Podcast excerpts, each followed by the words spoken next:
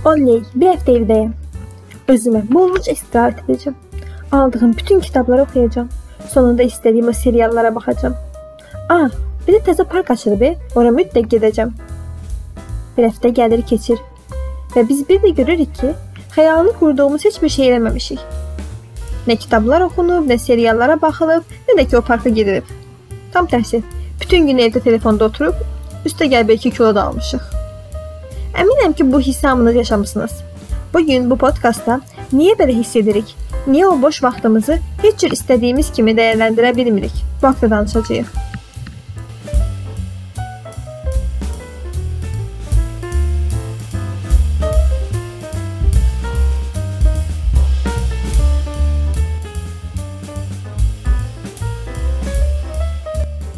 Hamiyə salamlar. Necəsiniz? Nə edirsiniz? Ümid edirəm ki, hamınız yaxşısınız. Mən gecənin bir yarısı stolumun başında oturub qabağımda kompüter bu podkast yazmağa çalışıram. Və düzünü desəm bu aralar elə də yaxşı deyiləm. Gəlin sizə bunun səbəbi haqqında qısaca danışım. İyulun axırında mən bir iş intervyusu vermişdim. Və bir iki həftə sonra həmin şirkət mənə zəng edib işə qəbul olduğumu dedi. Mən də tez sevinərək sənədlərimi düzəltməyə başladım. Başlanğıcda hər şey yaxşı gedirdi.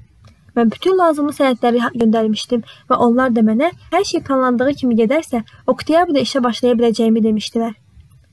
Amma 1-2 həftə sonra isə işə başlamamışdan vizamı təzələməli olduğumu bildirdilər. Bunu eşidən kimi tez vizaya görüşə gün təyin etmək üçün sayta daxil oldum və gördüm ki, mümkün ən tez tarix oktyabrın 18-idir. Mən də bu haqda şirkətlə danışdım. Onlar da bunu çox anlayışla qəbul etdilər. Amma bildirdilər ki, bu halda mən işə noyabrdan başlaya bilərəm. Bunu ilk eşidəndə düzünü desəm çox narahatladım. Çünki bu ay yetər qədər istirahət edə bilməmişdim. Ona görə düşündüm ki, bu əlavə bir aylıq tətil ərzində yaxşıca istirahət edərəm. Amma həqiqət elə də düşündüyüm kimi olmadı. Əslində tətilin ilk günləri maraqlı idi. Bakıdan gətirdiyim kitabları oxuyur, sürücülük imtahanına hazırlaşır, təzə reseptlər sınayırdım. Günüm olduqca dolu-dolu keçirdi. Amma sonra ürəyim sıxılmağa başladı. Artıq əvvəlki kimi səhər tezdən durmur, daha gec keçmirdim.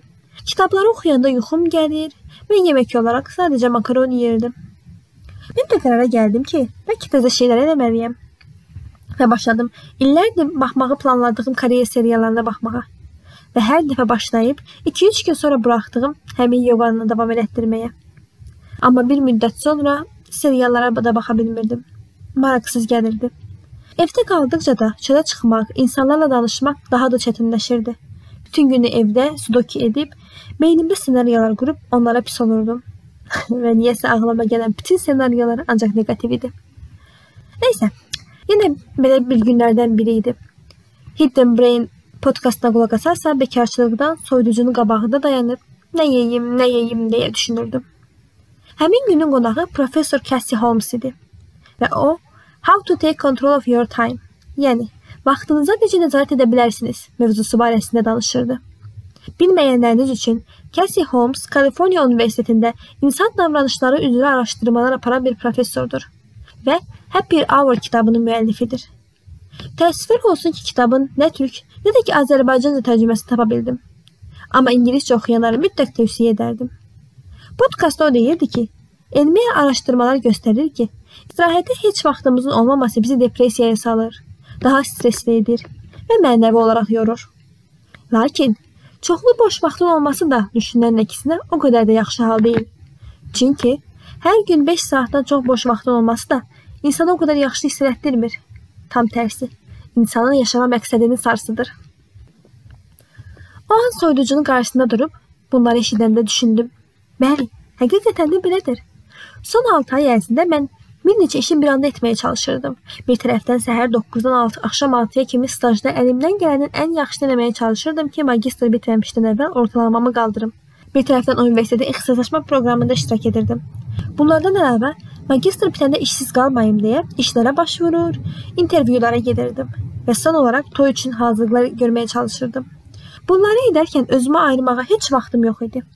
Ona görə də baxmayaraq ki, istədiyim nəticələri zamanla alırdım, aldığım nəticələrin qəti dadını çıxarda bilmirdim.